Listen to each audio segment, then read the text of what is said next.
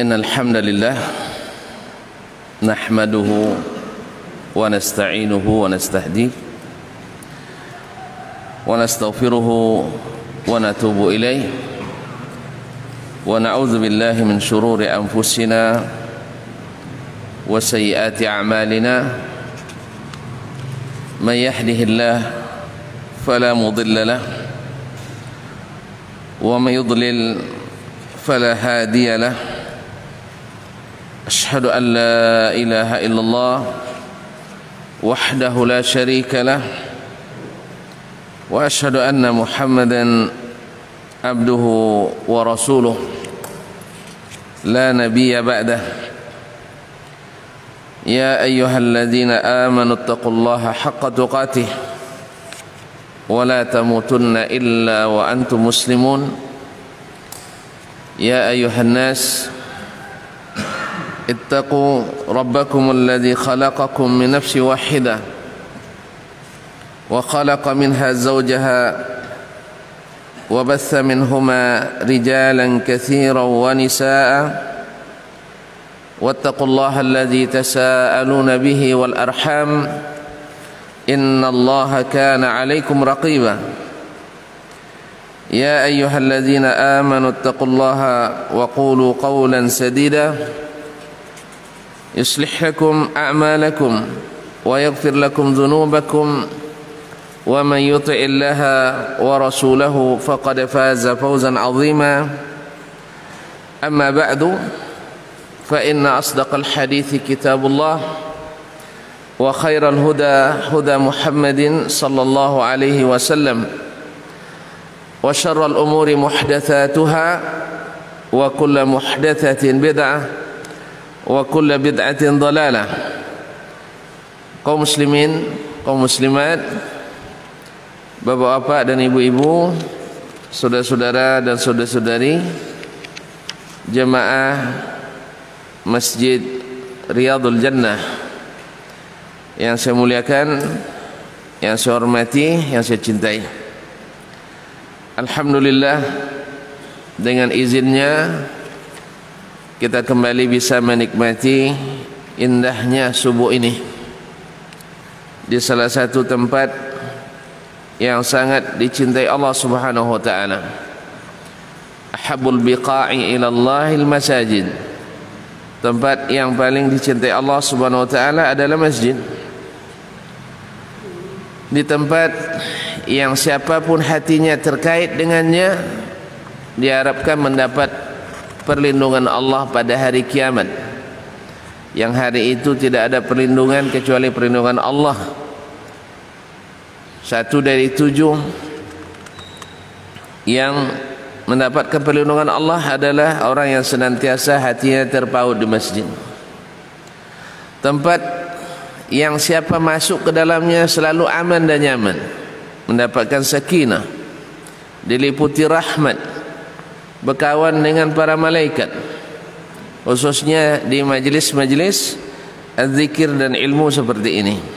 Mudah-mudahan Allah jadikan hati kita bersyukur sehingga nikmat ini semakin terasa nikmat di hari-hari nanti. Dan semoga Allah SWT menjadikan kita di hari-hari terakhir kehidupan kita dalam keadaan menikmati nikmat-nikmat ini. Amin ma'asyiral muslimin ma'asyiral muslimat rahimanillah wa iyyakum. Alhamdulillah selawat dan salam kepada baginda Rasulullah sallallahu alaihi wasallam. Karena dengan diutusnya Nabi alaihi salatu wassalam dengan diangkatnya Nabi sallallahu alaihi wasallam dijadikan kita umat yang terbaik umat yang pertama masuk surga. Umat yang dijadikan sebagai wasatan. Umat yang kalau bahasa orang sekarang yang modern. Tapi wasatan itu artinya umat yang adil. Umat yang sempurna. Umat yang harus menjadi saksi bagi umat yang lain. Artinya harus jadi referensi dan rujukan bukan sebaliknya kita harus merujuk ke orang orang lain.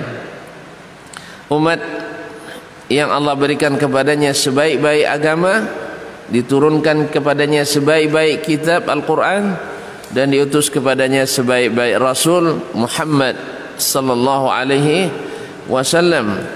Dan dengannya kita mengenal mana jalan yang terang benderang dan mana jalan yang gelap gulita. Yang terang membimbing kita ke surga yang gelap menyesatkan dan menjerumuskan kita ke lubang neraka. Oleh itu marilah banyak-banyak mengucapkan salawat dan salam kepadanya. Mudah-mudahan hati kita semakin terikat dan cinta kepada Nabi alaihi salatu wassalam. Ma'asyiral kiram judul kita masih itu-itu saja ya mencintai Rasulullah atau mencintai sunnah Rasulullah sallallahu alaihi wasallam. Kenapa mencintai sunnah? Karena mungkin pernah saya katakan mencintai sunnah Nabi sallallahu alaihi wasallam pasti mencintai pribadinya. Orang yang mencintai sunnah Nabi sallallahu alaihi wasallam dipastikan mencintai pribadi Rasulullah sallallahu alaihi wasallam. Buktinya Abu Bakar Umar Uthman Ali. Dah cukup? Tambah lagi cukup empatnya ya ya adalah orang-orang yang paling mencintai Rasulullah sallallahu alaihi wasallam dalam senang dan susah dalam lapang dan sempit dalam keadaan bahagia dan menderita mereka adalah orang yang paling mencintai Nabi sallallahu alaihi wasallam dari seluruh umat ini sehingga mereka mereka mendapatkan orang jaminan masuk surga yang diberikan Allah melalui lisan Nabi sallallahu alaihi wasallam. Dan dan kenapa mereka menjadi barisan pertama? Karena mereka adalah orang yang paling mencintai sunnah Nabi sallallahu alaihi wasallam dan pasti mencintai sunnah konsekuensinya mencintai pribadi Rasulullah sallallahu alaihi wasallam. Tetapi mencintai pribadi Nabi alaihi salatu wassalam mencintai kepribadiannya karena beliau orangnya adalah keluarga beliau orangnya satu kabilah dan satu suku atau satu bangsa Arab atau sama-sama umat manusia atau karena kelakuannya yang baik dan sebagainya akhlaknya yang tinggi dan sebagainya belum tentu mencintai sunnah Rasulullah sallallahu alaihi wasallam. Mencintai pribadi Nabi belum tentu mencintai sunnah Nabi sallallahu alaihi wasallam. Apa contohnya? Eh, siapa contohnya Hah? Abu. Woi, Abu-abu pula saya. Abu siapa? Abu? Kau langsung Abu Lahab, Masya Allah. Hah? Abu Lahab sangat mencintai pribadi Nabi alaihi salatu wassalam. Abu apa lagi? Abu Talib. Sah? Abu Talib sangat mencintai Rasulullah sallallahu alaihi wasallam.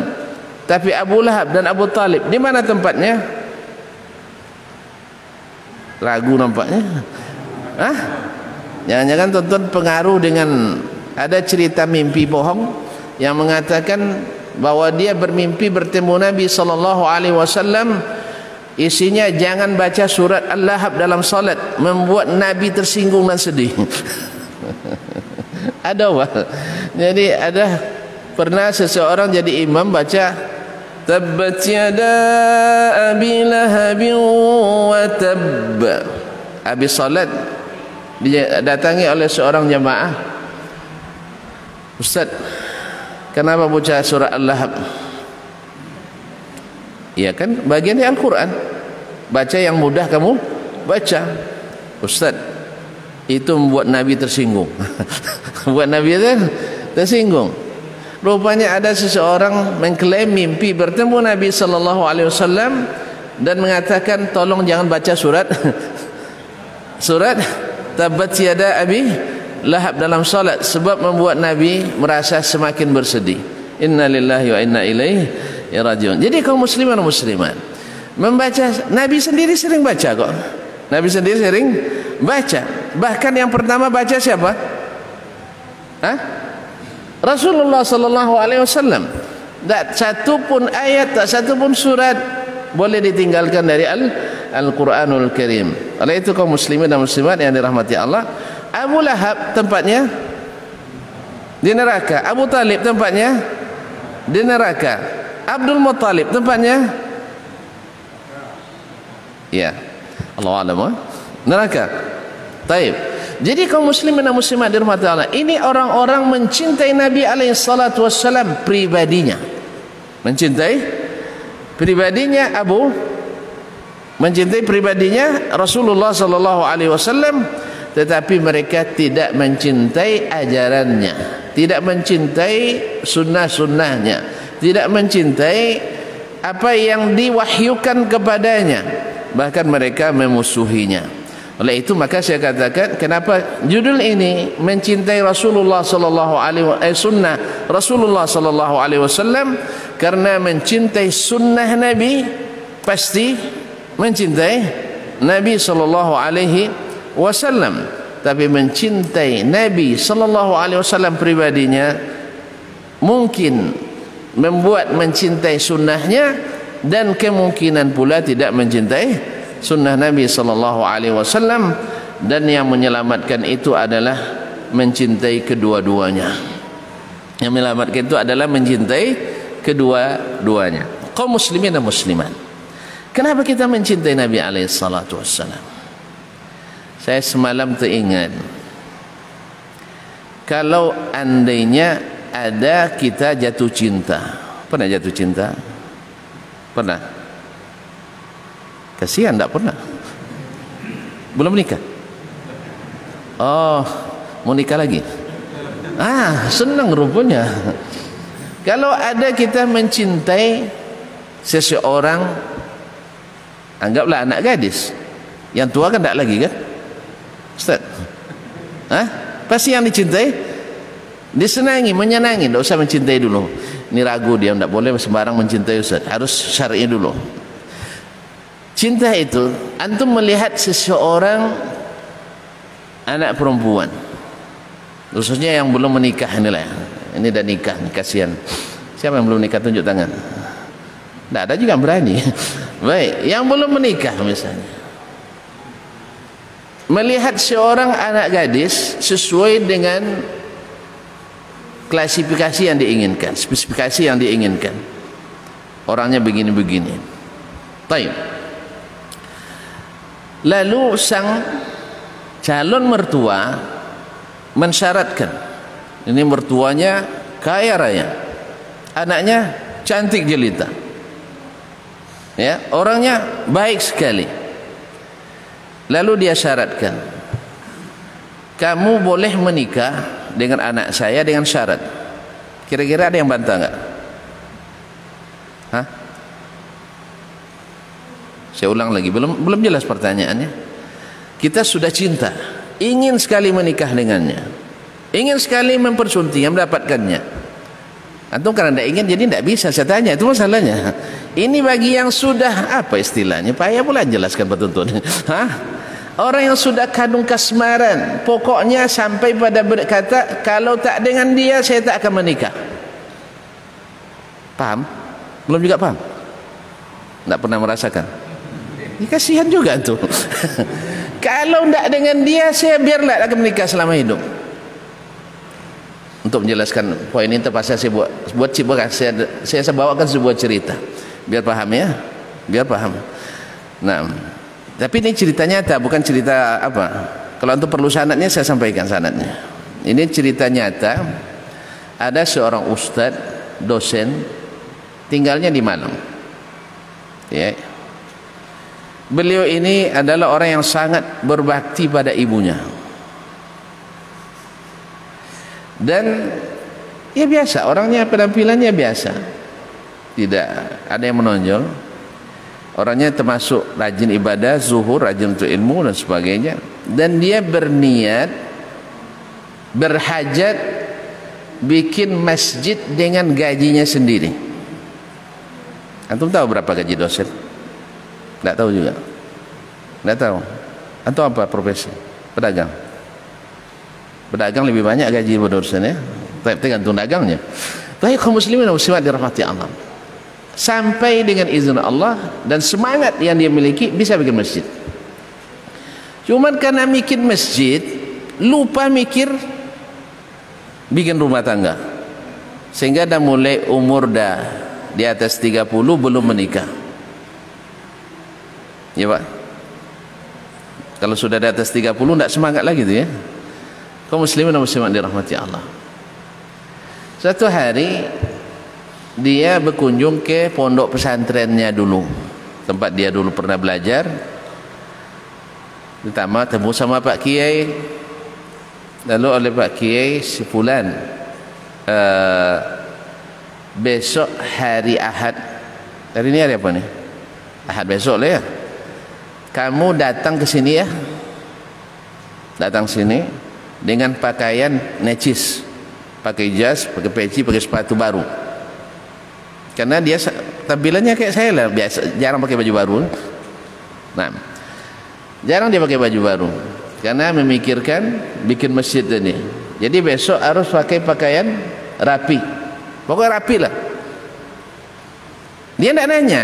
Ya rasa biasanya orang-orang di Jawa itu kalau diminta Pak Kiai nanya lagi. Tidak pernah jadi orang Jawa juga? Ya Allah. Banyak betul. Orang mana tuh? Orang mana? Ocu Jawa. Ah Sumatera. Eh, itulah. Tidak pernah jadi orang Jawa. Orang Jawa ini manut-manut sama Kiai betul? Betul? Tak pernah jadi orang. Kayaknya orang Sumatera semua ini mana orang okay, tak nanya dia? Beginilah. Subhanallah. Kalau saya katakan sahabat dengan Nabi lebih daripada orang Jawa dengan ki kiainya. Santri dengan kiainya. Dia nak nanya. Yang penting kata kiai besok datang pakai pakaian necis. Iya. Harus baru pecinya mungkin sudah lima tahun tidak diganti. Nah, besok harus ganti pecinya jadi hari itu dia datang. Dia hanya berpikir mungkin mungkin ini mungkin ada acara Pak Kiai menantu dan sebagainya. Karena di antara anak Kiai ada yang belum berkeluarga juga. Sampai di situ di pondok orang sudah siap semua. Ramai orang. Seperti akan ada acara akad nikah. Ya biar santai aja karena belum tahu mungkin ada yang menikah kan Sampai di situ kata disambut oleh Pak Kiai, "Nak, kamu hari ini akan kami nikahkan." Waduh, gitu kan? Iya, waduh. Gimana dia mau nikah tak siap? Antum bingung tak kira-kira saya? Hah? Walaupun nikah dah biasa. Dah sekali. Dah belum nikah belum juga. Ya Allah. Ya ini yang pas untuk ditanya. Baik, kaum muslimin muslimat dirahmati Allah. Waduh, katanya saya disuruh nikah. Iya Pak, iya, yang benar. Iya. Ini calon mertuamu, itu sana calon istrimu. Tengok sekilas, boleh lah. nah, eh, panjangan sekilas itu lebih bahaya sebenarnya kadang-kadang. Jadi dia ini calon mertuamu. Orang sudah mangguk semua. Iya siap. Pak saya belum minta izin sama budek saya. Eh, bu apa? Bu E saya. Ibu saya maksudnya. Bu E ya ibu saya belum saya minta izin. Kata pergi ya ni telefon silakan telefon ibumu telefon ni maknya mak saya sekarang akan menikah. Lah kalau saya panggil anak lek ya kamu kok menikah? Kan nak kasih tahu ibu. Dia bilang begini cerita. Dia ceritakan kronologisnya saya ditodong Pak Kiai. Dia nak kasih tahu. Ah kalau Pak Kiai yang pilih tawakal Allah. Ya lanjutkan. Ibu rida nikahlah dia. Selesai ha? saya nak menggambarkan cinta tadi ni? Biar antum faham makna cinta tu. Kerana kalau antum ngangguk tadi tidak saya jelaskan tidak pakai kisah ini ni. Baik kaum muslimin dan muslimat dirahmatullah menikah. Alhamdulillah dan nikah. Ini baru nikah pertama saya ada yang kedua yang lebih seru. Nah, ini maksud saya selesai nikah alhamdulillah jadilah mereka pasangan. Ya maklumlah yang dipilihkan orang-orang soleh insyaallah taala atas ridha orang tuanya dan balasan dia. Tak memikirkan nikah ternyata orang yang memikirkan dia menikah. Dia memikirkan membangun rumah Allah Subhanahu wa taala memikirkan membina mahasiswanya. Banyak bimbingannya di masjid itu binaannya. Suatu hari dia dapat telepon dari kawan karibnya dulu di pondok kawan karibnya di pondok minta nak konsultasi. Dia datang berjumpa. Orang pekalongan yang kawan ini jadi saudagar batik. Pekalongan batik ya? Batik. Ber, uh, sukses kaya raya. Saya kawan saya punya anak gadis. Karena dia dulu cepat menikah jadi anaknya sudah gadis. Lebih duluan. Kalau ini kan lambat nikahnya. Sudah hampir 40 30-an tadi nikahnya jadi kawannya sudah punya anak gadis tamat SMA mau menikah. Tolong kamu punya enggak mahasiswa-mahasiswa binaan? Ya, dia bilang betul banyak. Ayolah, tolong carikan untuk anak saya besok bawa ke rumah. Ya, kawan yang minta tolong ya semangat dia nolong. Carikan ada yang siap menikah. Dibawa. Diaturlah oleh orang tuanya untuk nanti eh, abah duduk sini calonmu nanti di sini kemudian di sini ustaz. Jelas? Dua posisinya tiga ini. Ini misalnya ayahnya di tengah ini nanti pemuda itu di sebelah sini ustaznya. Dah ada masuk. Ketika sedang asik cerita yang di tengah anak muda ini lupa kunci motornya ya motor bagi anak muda kan masih mahal ya. Ya. Takut tercuri. Dia pergi keluar. Pas dia keluar ya orang ini kan sahabat dekat ini. Supaya bercerita lebih asik majulah ustaz ini ke tengah. Di waktu itulah keluar anak gadisnya. Sambil nengok calon itu. Siapa yang terlihat? Siapa yang terlihat? Nah di sini. Ini yang saya maksud nanti. Ustaz yang terlihat nengok ustaz ini subhanallah Allah maha kuasa kaum muslimin. Langsung dia kecantol dia pengen mau. Masuk ke kamar tidak keluar-keluar lagi. Ya karena dia dah lihat apa yang dia inginkan. Habis itu masuk anak kamu muda tadi lagi. Ustaz kembali ke posisi. Ke posisi. Nah di saat dari posisi ini anak gadis itu tak ada keluar-keluar lagi dan orang tuanya kan asik cerita kan tak tahu entah dah keluar atau belum. Jelas cukup lama. Habis itu selesai dianggap dah selesai pulanglah ustaznya. Belum sampai ke rumah dia telepon sama anak apa nama? Orang tua anak gadis nih. Kawan Alhamdulillah anak saya bersetuju. Anak saya setuju.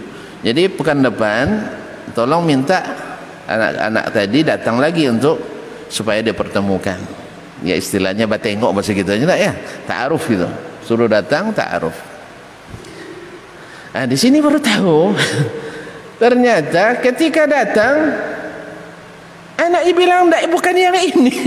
Bukan yang yang ini saya mau yang yang kemarin. Disebutlah ciri-cirinya. Kata ayahnya itu kawan abah sudah tua itu. Pokoknya pokoknya tak mau menikah kecuali dengan dengan yang itu ya pokoknya tidak mau dibujuk bahkan di mantra apa, apa namanya di ruqyah tidak sehat. Pokoknya harus dengan dengan ustaz. Itulah cinta. Paham? Dah paham? Belum juga ya bahaya. Sebaca baca buku cinta lagi. Kaum muslim dan muslim. Itulah pokoknya tak mau menikah kecuali dengan dibilangin dah tua kawan abah dia sudah beristri pokoknya kalau dia beristri saya istri kedua kawan abah justru lebih baik. Saya lebih orangnya baik. Jadi intinya tak mau pokoknya dia ya bukan apa bukan bersumpah tapi pokoknya kalau tak dengan dia saya tak akan menikah selamanya. Dah paham dah paham Alhamdulillah. Dah Alhamdulillah. Baiklah kaum muslimin dan muslimat dirahmati Allah. Akhirnya Ustaz tambah bingung lagi kalau tadi waduh kan ini tambah aduh lagi kaum muslimin. Kan lebih sulit masalahnya sekarang. Menikah untuk kedua lebih sulit atau menikah untuk pertama? Hah? cobalah coba bilang sama istri nanti lepas ini dek saya mau nikah yang kedua. Dikasih sarapan enggak bisa dikasih sapu gitu. Kaum muslimin muslimat dirahmati Allah. Tambah bingung nih ayat ini terpaksa buat modus. Buat modus. Karena dia sebenarnya tidak mau. Cuman mempertimbangkan kawan. Kawan tu dah mohon-mohon ke dia. Memohon-mohon ke dia. Inilah maksud saya itu nanti. Jadi anaknya tak mau menikah. Bahkan seperti orang ini kena apa? Istilahnya kena santet apa? Kena guna-guna gitu. Padahal subhanallah tidak mau kecuali dengan ustaz akhirnya buat alibi dia kan banyak jual parfum jual apa nih ustaz nih. Akhirnya bilang sama istrinya dek ini biasanya dia sudah biasa 2-3 hari biasa tidak pulang kan? Nah, ini terpaksa buat mungkin sepekan atau dua pekan abang tidak pulang ni bawa banyak dagangan. Dibawa lebih lebih banyak. Rupanya kan kalau nikah dengan anak gadis kan tujuh hari kan? Iya kan tujuh hari. Alhamdulillah. Akhirnya jadi menikah menikah. Ini cinta maksud saya itu. Nah kalau antum sudah cinta seperti ini dengan seorang anak gadis lalu orang tuanya bilang dengan syarat-syarat kira-kira antum ada menggeleng enggak ya? Hah? Enggak ya? Apa pun syaratnya aku akan kan bahasanya gunung kan? Kan kudaki.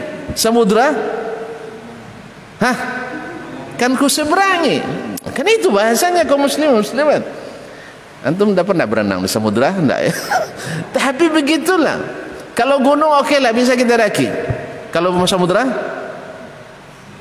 hah Mana yang berat Pak? Berenang di samudra atau mendaki gunung? Berenang lebih payah saya. Mendaki kalau tidak sanggup turun aja. Gitu kan? Kalau berenang tidak sanggup tenggelam aja. ya karena kalau balik sama juga. Tapi begitulah cinta. Ya karena cinta. Karena kalau pepatah kita mengatakan karena mata buta, karena hati mah mati. Itulah kalau sempat calon mertua syaratkan Antum menggeleng? Tidak sempat menggeleng Syekh. Syaratnya apa? Satu. Kamu kalau menikah dengan anak saya mesti tinggal di rumah saya. Rumahnya besar sekali. Nolak. Hah? Nolak. Nolak saya. Harus tinggal di rumah saya. Ada yang menolak? Taib. Kalau kamu nikah dengan anak saya, kamu harus ya belikan mobil Roy Race. Ni kak nolak juga. Enggak usah Pak, apa aja lah gitu ya. Hah? Kalau kamu nikah dengan anak saya, biaya hidup kamu saya tanggung. Nolak juga? Hah? Mau?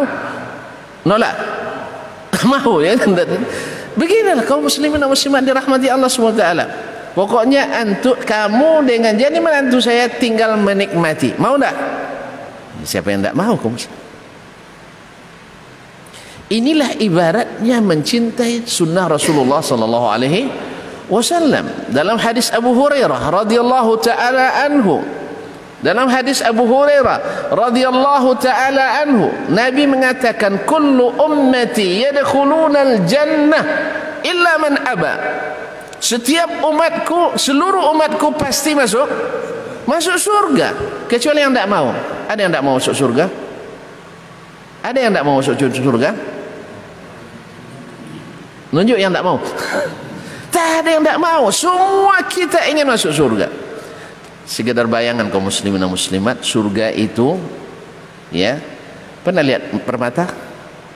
Intan. Bukan bukan uh, kristal tidak. Permata asli dah pernah tengok saya belum. Kecuali digambar ya digambar sering. Tapi nengok langsung di tangan saya belum. Sudah pak? Belum juga ya? Kesian kita. Nengok saja. Nah istana antum di surga itu nanti tiang-tiangnya itu dari intan permata atapnya dari emas dan perak nah mau tak? ada yang tak mau? istrinya Masya Allah bidadari dah pernah tengok bidadari? Hah? belum ya? kalau menurut riwayat Nabi mengatakan andainya seorang bidadari itu mengerlingkan matanya ke dunia ini terbakar bumi ini. Dahsyat tak cahayanya? Andainya dia meludah ke dalam samudra manis seluruhnya. Antum takut kena penyakit gula nanti eh? kalau gitu nak kena penyakit gula saya Ustaz. Ikhwani kaum muslimin dan muslimat di surga tak ada penyakit seluruh makanan jadi gizi. Tak ada lagi lampu merah. Tahu lampu merah? Tak tahu juga. Belum nikah nampaknya. Istri berhalangan tak pernah. Berarti dah tua istrinya atau belum balik. Faham ni? Ini mohon maaf. Yang belum menikah tahan-tahan diri aja dulu. Ya. Tak ada. Pokoknya tak ada. KWC tak ada jadi antum tak perlu nanti pakai masker KWC kaum muslimin dan muslimat dirahmati Allah SWT semuanya nikmat. Orang tak sempat tidur di surga. Tak mau tidur. Sebab apa? selalu bahagia. Eh, paham? Alhamdulillah. Jadi seluruh umatku kata Nabi SAW pasti masuk surga kecuali yang tidak mau Nah, kaum muslimin dan muslimat dirahmati Allah, mencintai sunnah Rasulullah sallallahu alaihi wasallam seperti syarat tadilah. Kalau kau mencintai lah mencintai sunnah Nabi sallallahu alaihi wasallam dan berpaling dari selainnya maka engkau akan mendapatkan minum dari telaga Nabi sallallahu alaihi wasallam yang cawannya lebih banyak dari jumlah bintang di langit ada yang pernah hitung Dek, bintang di langit berapa jumlahnya Hah? yang peci merah Dah pernah ngitung? Hah? Dah pernah ngitung? Bintang di langit berapa buah? Matahari lah dulu. Matahari ada berapa buah? Cuma satu. Kau muslimin dan muslimat dirahmati Allah SWT. Sebab lebih banyak bintang di langit. Hari itu kaum muslimin dan muslimat dirahmati Allah. Nabi mengenal kita dengan bekas wuduk di anggota tubuh kita. Dengan ghurrah wa tahjin. Lalu kalau ada yang solat nampak bekasnya bekas wuduk itu di kening dan di kaki di apa namanya kening dan di lengan dan di kaki. Lalu Nabi manggil silakan silakan ada di antara mereka ada di antara kita nauzubillah yang sudah terlanjur dipanggil karena dikenal dengan tandanya tadi mau dimasuk dilarang oleh malaikat. Nabi bilang ashabi ini sahabat saya. Ini umat saya. Apa jawaban para penjaga? Betul cuma tidak lulus perivi hah? Tidak lulus perivi kasih. Cintanya ber? Bercabang. Cintanya bercabang dua atau cabang tiga. Tak jujur dalam mencintai. Apa alasannya? Innaka la ta'lam ma ahdathu ba'dak. Sebab engkau tidak tahu hai Muhammad mereka memang mengikutimu solatnya sama. Cuman masalahnya mereka mengada-ngada dalam agama setelahmu oh ternyata kaum muslimin dan muslimat dirahmati Allah antara mencintai Nabi mencintai sunnah Nabi dengan mengada-ngada dalam agama ternyata itu cinta ber cinta bercabang cabang dua. Kalau sempat antum punya anak gadis pak punya anak gadis belum? Belum ya yang punya anak gadis. Hah? Tidak ada. Alhamdulillah Masya Allah. Nak bujang semua anaknya. Enggak, saya nanya bukan karena anak melamar, jangan salah paham. Iya, ketahuan sama istri saya bahaya juga nih. saya mengatakan kalau sempat ada anak bujang melamar anak gadis kita diketahui hatinya ternyata tidak pada anak kita. Diterima? Hah? di sini ada pacarnya sana ada pacar sana ada pacarnya. Mau nerima wajar kan? Wajar kan? Kita ingin cinta itu tulus. Dia kita ingin mencintai anak kita se, apa namanya seikhlas-ikhlasnya. Dengan segala kelebihannya. Kalau ada kelebihan. Dan juga segala kekurangannya. Jangan sampai berbagi. Apalagi ini kelebihan semuanya. Seperti tadi. Menantu eh, calon mertua yang kaya raya kamu pokoknya ikut aturan di rumah ini makan minum gaji rumah kendaraan kamu yang miliki. Ada yang bersyarat lagi menolak syarat ini? Enggak maka mencintai Nabi sallallahu alaihi wasallam mencintai sunnahnya anda akan bebas masuk di telaga dan diberikan air minum man syariba minhu la yadhma'u abada. Siapa yang minum dari telaga itu tak akan haus dahaga selamanya. Sampai dia masuk surga bayangkan matahari itu dahaga enggak kita? Ha? Dahaga enggak di suatu hari hari kiamat. Sehari kan? Cuman seharinya seribu seribu tahun seperti sekarang. Lama. Dan matahari dua mil dari kepala kita. Allahu Akbar. Nah siapa yang minum dari telaga Nabi Sallallahu Alaihi Wasallam tak akan merasa haus lagi selamanya sampai masuk masuk surga Allah Nah, kalau begitu kaum muslimin dan muslimat dirahmati Allah, mencintai sunnah Nabi sallallahu alaihi wasallam dan mencintai selainnya dari sunnah Nabi sallallahu alaihi wasallam dalam beragama ini adalah cinta bercabang. Dua apa tiga? Bercabang-cabang.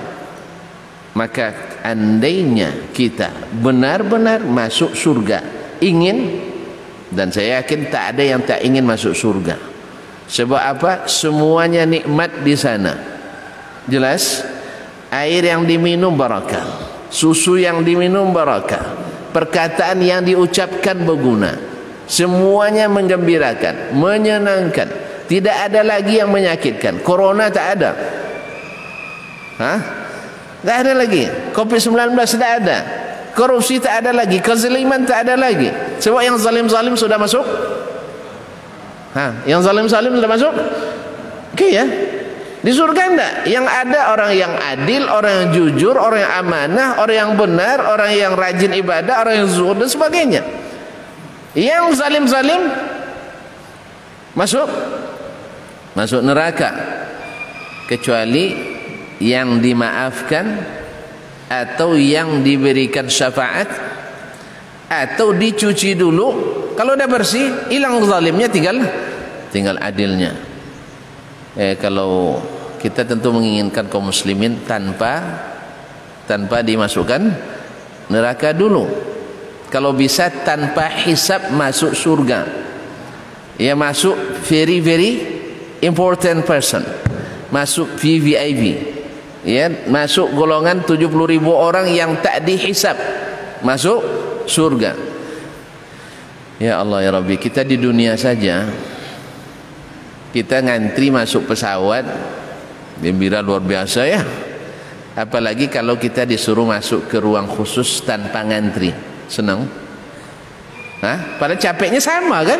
Capeknya sama. Bedanya kita masuk ruang tanpa ngantri pesawatnya itu juga sama sampainya ini enggak kita masuk surga tanpa antrian. Bayangkan antriannya manusia seluruhnya.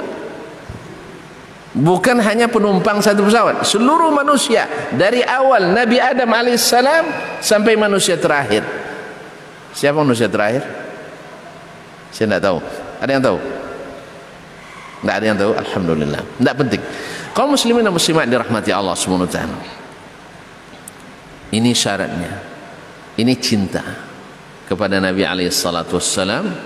Seluruh umatku pasti masuk surga kecuali yang tidak mau. Yang mau siapa? Man ata'ani dakhalal jannah. Siapa yang taat kepadaku masuk surga. Wa man asani faqad aba. Siapa yang tidak taat kepadaku atau durhaka kepadaku berarti dia tidak mau. Nabi yang bilang tidak mau.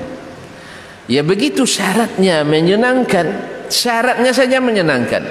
Kamu ikut agama ini pahalanya melimpah begini. Jangan ikut yang lain. Itu ya. Kan itu bahasanya. Amalkan yang ini dijamin diterima. Tinggal lagi kita memperbaiki syarat ikhlas amal kita jelas kaum muslimin dan muslimat yang dirahmati Allah Subhanahu wa taala.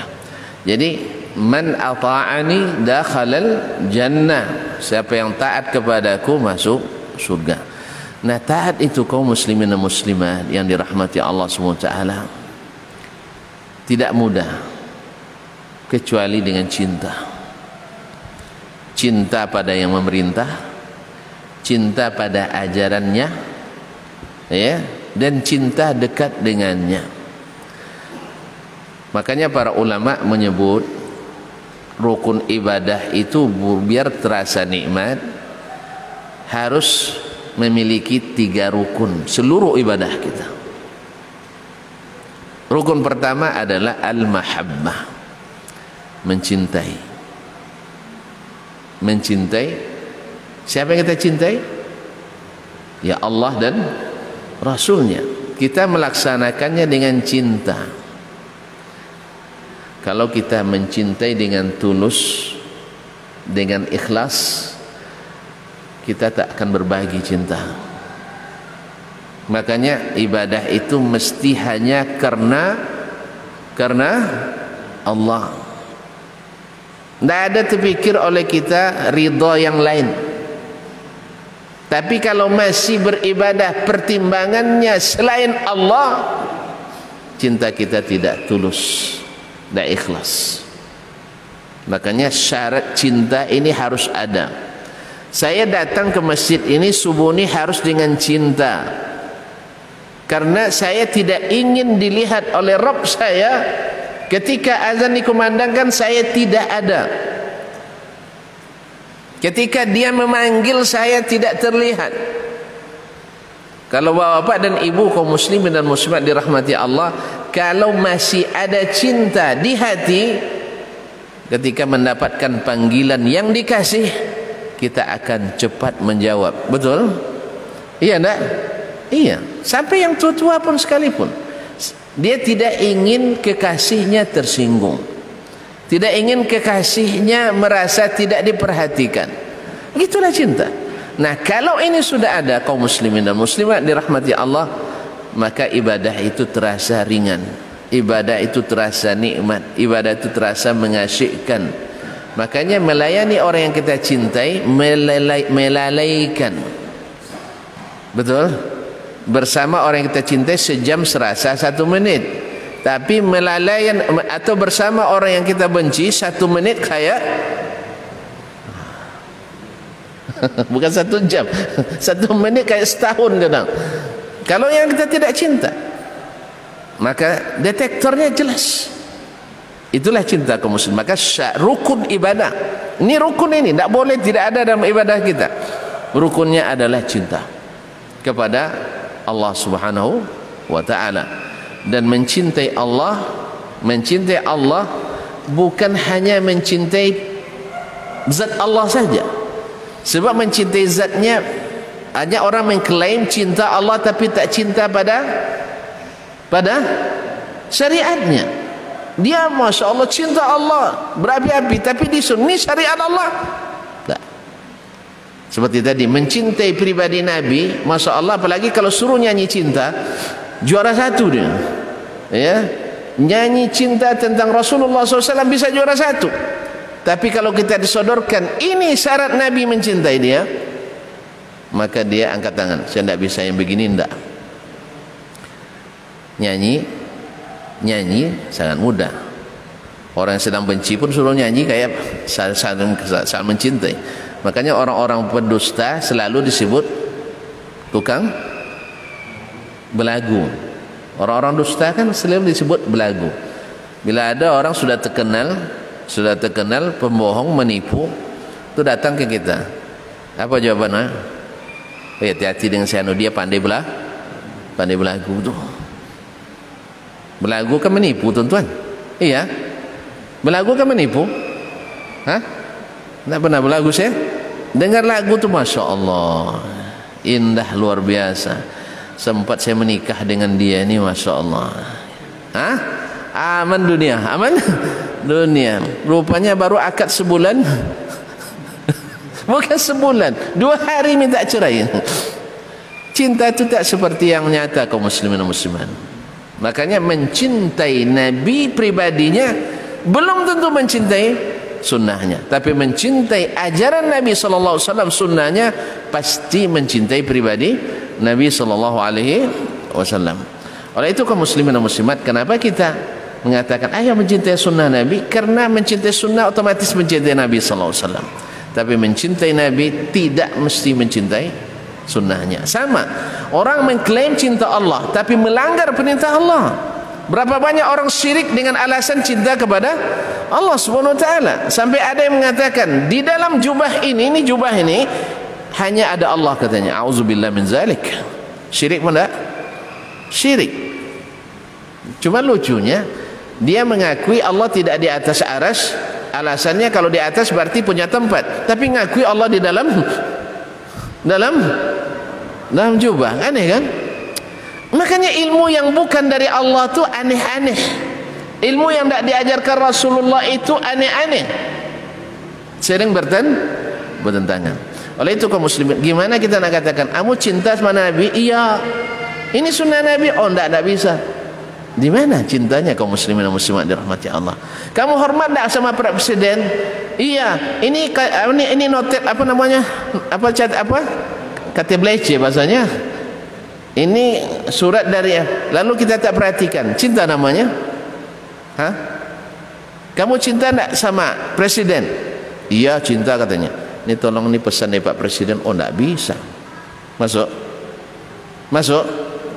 Masuk dah yang coba-coba nolak permintaan presiden syekh bahaya nah kaum muslimin dan muslimat dirahmati Allah berapa banyak orang mengklaim cinta nangis-nangis cinta kepada Allah dan Rasul tapi ketika disodorkan ajaran Allah dan Rasul masih pakai syarat tadi jadi orang yang mencinta itu bukan dia yang bersyarat yang dicintai harus beri syarat betul? Betul tak macam mertua tadi. Oh pak enggak. Syarat bapak enggak saya terima saya syarat saya. Kalau gitu pergilah kamu berampus di sini katanya. Kita kan mencintai dia. Mencintai anaknya. Kita mencintai surganya. Mencintai ya balasan pahalanya. Lalu ketika dia syaratkan kita tak terima. Kita pula yang bikin syarat ya Allah saya cinta padamu cuman jangan bikin syarat saya yang bikin syarat mau Mau? Mana bisa kaum muslimin dan muslimat dirahmati Allah. Makanya setiap berita yang datang darimu ya Allah saya saring dulu. Kalau saya mau saya terima, kalau tidak saya tolak. Setiap perintahmu saya saring dulu. Ah, kalau saya mau saya laksanakan, kalau tidak saya tolak. Ya Rasulullah saya cinta kepadamu. Setiap ajaranmu saya kalau sesuai dengan saya saya terima. Kalau tidak saya saya tolak. Kira-kira syarat begini masuk. Masuk syarat begini? ya minimal kaum muslimin. Kita tidak nolak.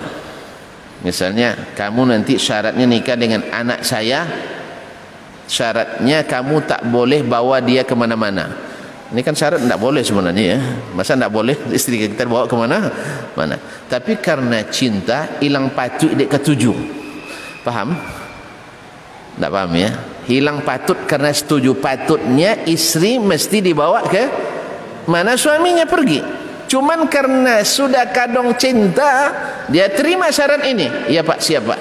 Saya tak akan bawa istri saya ke mana-mana. Dalam hati sampai akad nikah selesai. Sampai akad nikah selesai. Karena memang sudah suami membawa istrinya ke mana pun. Nah, cuman kalau yang sudah bersyarat begini tolong ditepati sampai syarat itu dibatalkan oleh mertua lagi ya. Ya karena syarat al-muslimun ala surutihim. Orang muslim itu syarat yang mereka iakan. Cuman insyaallah eh kalau sudah nampak oleh mertua kita memelihara anaknya dengan baik dengan jujur cinta dengan sebenar-benarnya nampak tambah soleh anaknya bersama kita kira-kira ragu tidak suami melepas lagi? Nah menantunya sempurna gaji 25 juta penghasilan minimal sebulan. Dari 25 juta serahkan ke istri 23 juta. Ragu lagu mertua. Hah? Ini ibu-ibu suka nanya tuh di gini nak berapa kasih suaminya pekan ini? Tidak banyak dong mak. Hanya 23 juta kena kira-kira uminya marah lagi enggak hah? Marah lagi enggak Tuh beli mobil suaminya atas nama istrinya juga. Marah mertuanya. beli tanah atas nama istrinya. Marah lagi. Kalau udah gitu bawa lah ke mana-mana. Enggak apa-apa. Ibu dah sudah nyaman ini. Ya tak? Jadi kaum muslimin dan muslimat dirahmati Allah, syarat itu datangnya dari yang dicintai, bukan yang men bukan yang mencintai. Setuju nih? Ini yang cinta yang sebenarnya. Ini yang pertama. Jadi ibadah itu rukun pertamanya cinta. Cinta kepada yang yang memerintahkan. Dan perintah Rasulullah hakikatnya adalah perintah Allah. Sunnah Rasulullah hakikatnya adalah ajaran Allah, Allah Subhanahu wa taala. Yang kedua, kaum muslimin dan muslimat dirahmati Allah, rukun ibadah itu masuk dalam seluruh ibadah adalah al-khaufu wal khasyah. Yaitu takut takut kepada Allah. Takut yang diiringi dengan ta'zim. Ya bukan takut seperti takut pada singa lari kuntang panting tidak. Takut karena hormat karena menghormati karena memuliakan meninggikan. Maka kita semakin mendekat kepadanya. Maka takutnya apa? Takut amalan kita tidak diterima. Takut cinta kita tertolak. Takut cinta kita bertepuk sebelah sebelah tangan kalau kita takut yang seperti ini kaum muslimin, saya yakin secara naluri, secara fitrah kita akan mencari tahu apa yang disukai oleh yang kita cintai. Betul? Maka Imam Ibn Rajab menyebutkan dalam Fadlul Ilmi Salaf ala Ilmi Khalaf bahwasanya orang yang tulus mencintai kapan bisa dia harus mengenal yang dicintainya dengan sebenar-benarnya. Kalau yang kita cintai Allah, kita kenali Allah dengan sesungguhnya.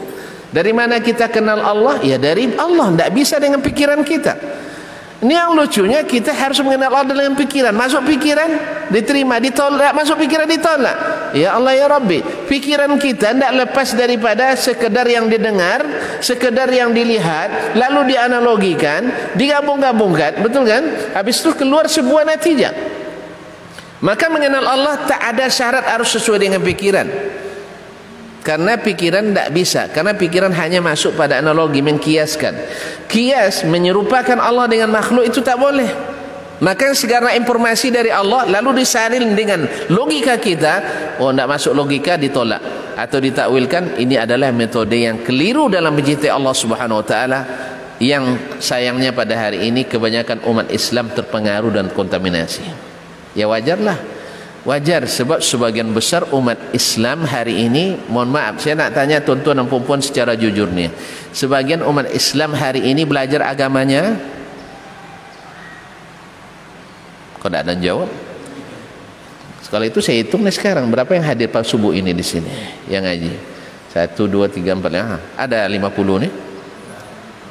Anggaplah lima puluh lebih. Penduduk di sini berapa semuanya? Yang Islam 100 berapa persen yang hadir? Yang hadir berapa persen? Kemudian yang rutin mempelajari agamanya. Kebanyakan belajar agama apa enggak? Ada PRW enggak? Enggak ada juga. PRT ada. Enggak ada juga. Pak, Pak Kadus nah, ini bukan dusun ya tahu kamu muslim sebagian besar belajar agama apa enggak? Kok pada nengok saya begini? Mana yang lebih banyak di pasar pagi sekarang atau di sini Mana yang lebih banyak di pasar atau di sana? Yang belajar agamanya dengan benar lebih banyak atau yang bukan? Saya nak nanya lagi. Harus absen satu-satu nih. Yang masuk pesantren lebih banyak atau yang masuk sekolah umum? Dah, dah masuk dah. Kemudian sekolah umum berapa jam sebahari? Eh sebulan, eh seminggu? Dua jam. Yang ngajar guru olahraga betul? Kadang guru matematika. Ini dulu uh, profesor uh, yang dari Jakarta. La ilaha illallah. Aduh asal mana? Kok lupa pula namanya saya sekarang. Pernah dia katakan agama di negeri ini kalau guru agama tidak hadir bisa digantikan oleh guru fisika guru olahraga. Betul kan? Betul enggak taib tapi kalau guru matematik tidak datang, bisa digantikan oleh guru agama? Bisa? Tapi matematik lebih hebat dari A? Itulah gambarannya kita hari ini. Betul kan? Taib, yang jadi direktur bank misalnya, bisa SAG? Jarang. Karena kalau kecuali sudah ada ekonomi Islam sekarang di Fakultas Syariah kan, dulu tidak bisa. Tapi kalau jadi kepala kemenak, bisa SH? Bisa. Jadi agama rendah. Makanya sebagian besar umat Islam bukan hanya di sini, termasuk di luar negeri, kebanyakan tidak belajar ah, agama dengan sebenar-benarnya, dengan sungguh-sungguh. Maka lahirlah pernyataan beragama itu tak boleh terlalu serius. Agama itu sedang-sedang aja lah. Cuma sedang-sedang, kadang sholat, kadang tidak. ha? kadang puasa kadang itu yang sedang-sedang. Kaum muslimin dan muslimat dirahmati Allah SWT makanya mesti ada khasyah takut tidak diterima cinta. Rasa takut ini membuat kita tertarik untuk senantiasa mempelajari. Keinginan mempelajari ini membuat kita ingin selalu ngaji. Tapi kalau keinginan yang enggak ada enggak ada rasa takut tidak diterima yang penting asal baik terima aja lah. Allah. Dipaksa Allah menerima asal baik menurut kita. Bisa? Syekh? Hah? antum diberikan suatu tanggungjawab pekerjaan misalnya jadi kepala seksi di sebuah lembaga. Antum tanya ndak apa yang harus dikerjakan? Nanya ndak kenapa? Karena takut. Takut tidak diterima hasil kerjanya laporan kerjanya. Betul? Ketika antum takut hilang antum ndak? Hilang. Sehingga banyak yang sampai semalam tidak tidur mempelajari sah kalau bikin proposal gimana caranya? Bikin anggaran penganggaran perencanaan gimana caranya? Jangan sampai besok di ditolak. Pernah tidak antum semalam tidak tidur gara-gara mikirkan sholat besok diterima atau tidak jarang. Jarang. Jarang. Betul?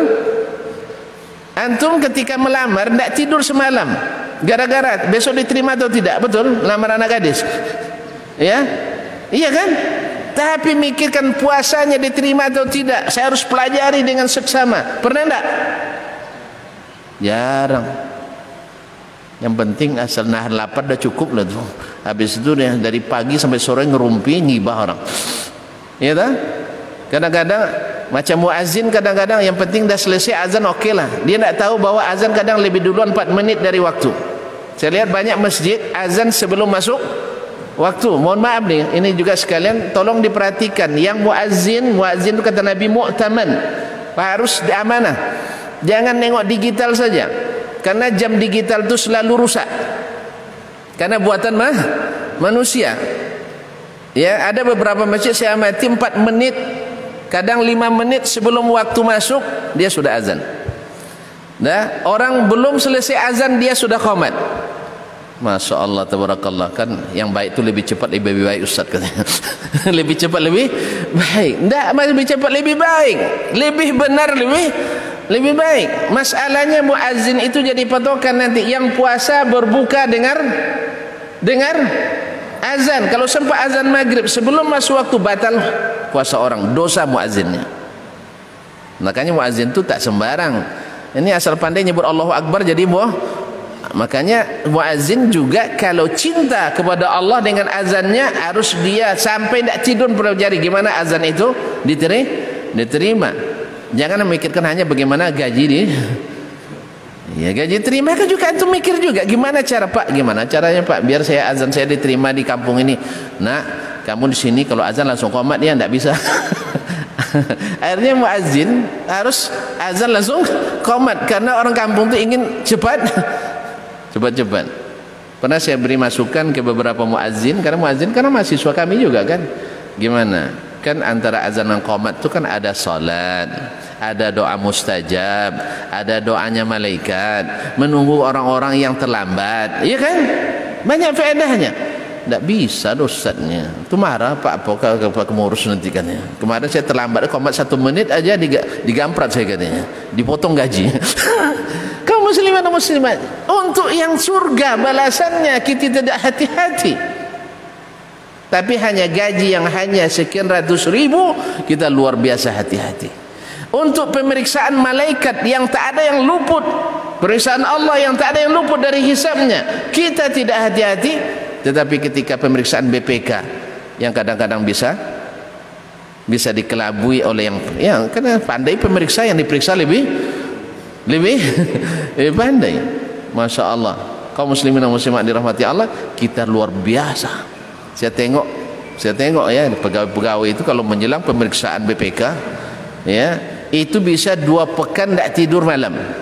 Takut laporan tidak diterima. Padahal mohon maaf kaum muslimin dan muslimat dirahmati Allah padahal apalah dunia ini? Kalau misalnya ada temuan administrasi kan bisa diperbaiki ada temuan korupsi kan bisa di bisa disogok? Enggak dihukum sementara habis itu keluar lagi. Ya tak? tapi kalau di akhirat tak diterima hasil audit kita ada perbaikan? Ada perbaikan? Yang ada hanyalah cuci dulu atau mengharapkan ampunan dari Rabbul Alamin Maka di sini kaum muslimin muslimat arti cinta yang sesungguhnya itu. Takut amalan kita tidak diterima. Maka pelajari dari siapa? A'lamukum billah yang paling alim tentang Allah yaitu Rasulullah sallallahu alaihi wasallam. Kapan kita mempelajarinya? Bila cinta kepada sunnahnya ini sudah tertanam dalam hati. Akan kita tanya, Ustaz, saya tidak nanya pendapat ulama, ulama itu banyak pendapatnya. Saya nanya, Rasulullah yang dikerjakan dia begini itu gimana? Lalu kita malah itu dijawab sama Ustaz Rasulullah itu kalau bersedekah tidak takut miskin artinya habis semuanya. Ustaz saya tidak bisa gitu Ustaz. Ah baru diceri. Ah, di situ pentingnya Ustaz itu. Ya memang Pak kalau sempurna imannya memang tidak mikir lagi. Karena seperti Abu Bakar saya tinggalkan Allah dan Rasul untuk keluarga. Cuman sebagian kan ada yang menyedekahkan sebagian. Apalagi jelas firman Allah sebagian dari apa yang kami beri berikan. Bapak sungguhnya berapa? Ustaz, harta saya semuanya 2 miliar Ustaz. Kalau saya semua kan tidak habis masjid ini kan. Kata Ustaz masjid saya bisa menerima. nah kalau gitu sedekahkan pertama zakat lah Pak. Yang pertama yang wajib. Dua setengah persen. 2 miliar kali 2,5 persen berapa? Nah, yang biasa ngitung duit banyak. Nah, 1 miliar 40 juta. Iya. Betul? Berarti kalau 2 miliar baru 80 juta. Tidak hilang sudutnya. Betul kan? Tidak hilang. Cuma bagi yang kikir luar biasa, sejuta aja. Nih berkurang 1 miliar, 2 miliar jadi 2 1 miliar 900 99 juta. Payah ngitungnya di Ustaz kan kan dua tidak nah, mau dia ada bapak-bapak lama tidak nunaikan zakat dipanggil Ustaz ke rumahnya. Dihitung-hitung zakatnya terhitunglah waktu itu seba, senilai satu ekor inopa. Seekor inopa itu inopa. Berapa harganya? Ya waktu itu sekitar 280-an lah waktu itu. Di beberapa tahun yang lalu menengok satu ekor akan pergi. Padahal dia punya 40 ekor kan? Kan seperempat puluh. Masih ada 39 matanya yang satu tuh Ustaz, nanti saya telepon Ustaz setelah ini ya. Saya musyawarahkan dulu dengan anak-anaknya. Karena anaknya bilang yang paling tua bah itu satu ekor inopa tuh bah katanya. Akhirnya goyang bapak tuh lagi. Sudah bertahun-tahun tidak zakat. Pas sudah dipanggil ustaznya goyang lagi kata ustaznya sampai hari ini tidak ada dia telepon lagi. Kita berbaik sangka aja mudah-mudahan dibayar pada lembaga zakat yang yang lain. Mungkin ada pengurangan barangkali. Ada kortingnya. Allah musta'an. Jadi kaum muslimin dan muslimat jadi ketika kita tanya tidak bisa. Di situ perlunya para ulama untuk menjelaskan hukum. Cuman manhaj kita jangan tanya hukum dulu Ustaz. Ini apa hukumnya? Dibilang sama Ustaz khilaf pak. Ada yang bilang wajib ada yang bilang sunat ada yang bilang mubah ini apa makna wajib pak Ustaz ah, kalau wajib itu dikerjakan berpahala ditinggalkan berdosa gitu ya yang kedua Ustaz sunat kalau sunat dikerjakan berpahala ditinggalkan tidak apa ah, ini yang kedua aja lah buat saya Ustaz katanya kaum muslimin rugi kita Memang Ustaz tak akan marah dia. Betul tak apa-apa. Asal ada pendapat ulama silakan aja Bapak bebas milih. Cuma rugi Bapak tidak melaksanakan. Betul kan? Kalau tunggu wajib dulu, pas wajib nanti Ustaz, tidak ada daruratnya. pas wajib minta darurat. Saya kalau nak bayar, nak infak sekarang nanti anak saya nak sekolah gimana, anak saya nak kuliah, anak saya nak nikah, cucu saya nak khitan dan sebagainya. Besok nak haji, nak kenduri, hanya tak jadi sedekah. Apa sebab? Karena nunggu yang yang wajib. Kalau yang wajib sudah datang, minta dah darurat. Darurat membuatkan akhirnya tidak ada yang terlaksana.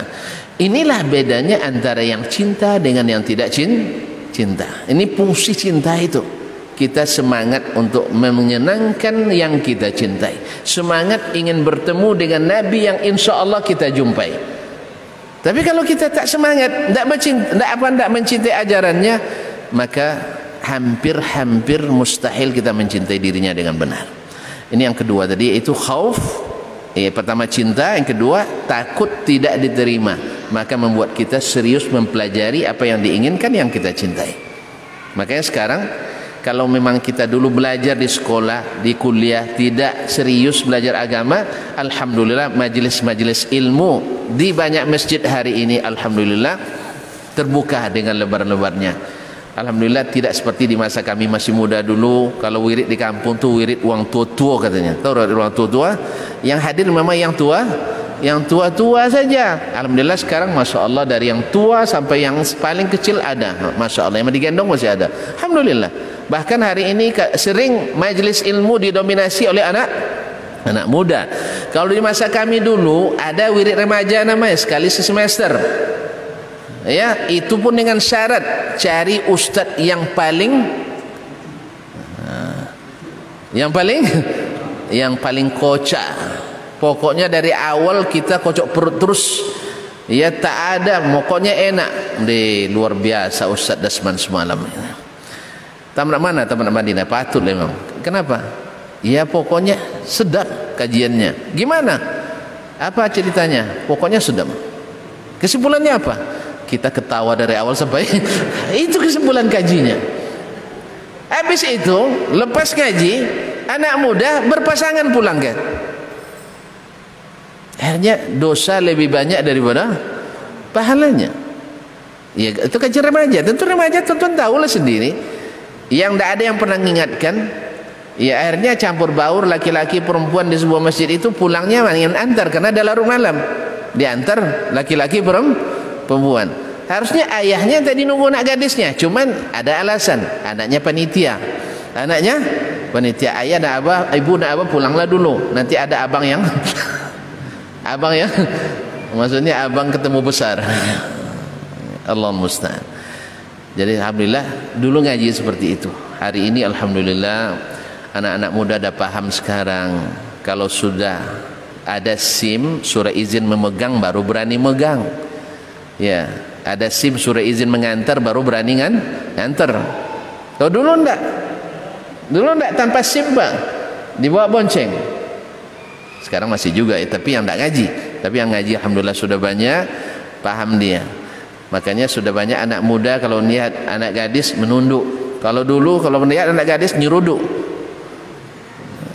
Bedanya nunduk dengan nyeruduk. Alhamdulillah jadi oleh sebab itu kalau dulu kita belum serius belajar agama, alhamdulillah majelis-majelis ilmu sekarang banyak terbuka. Hadirilah dan cari memang yang produk original.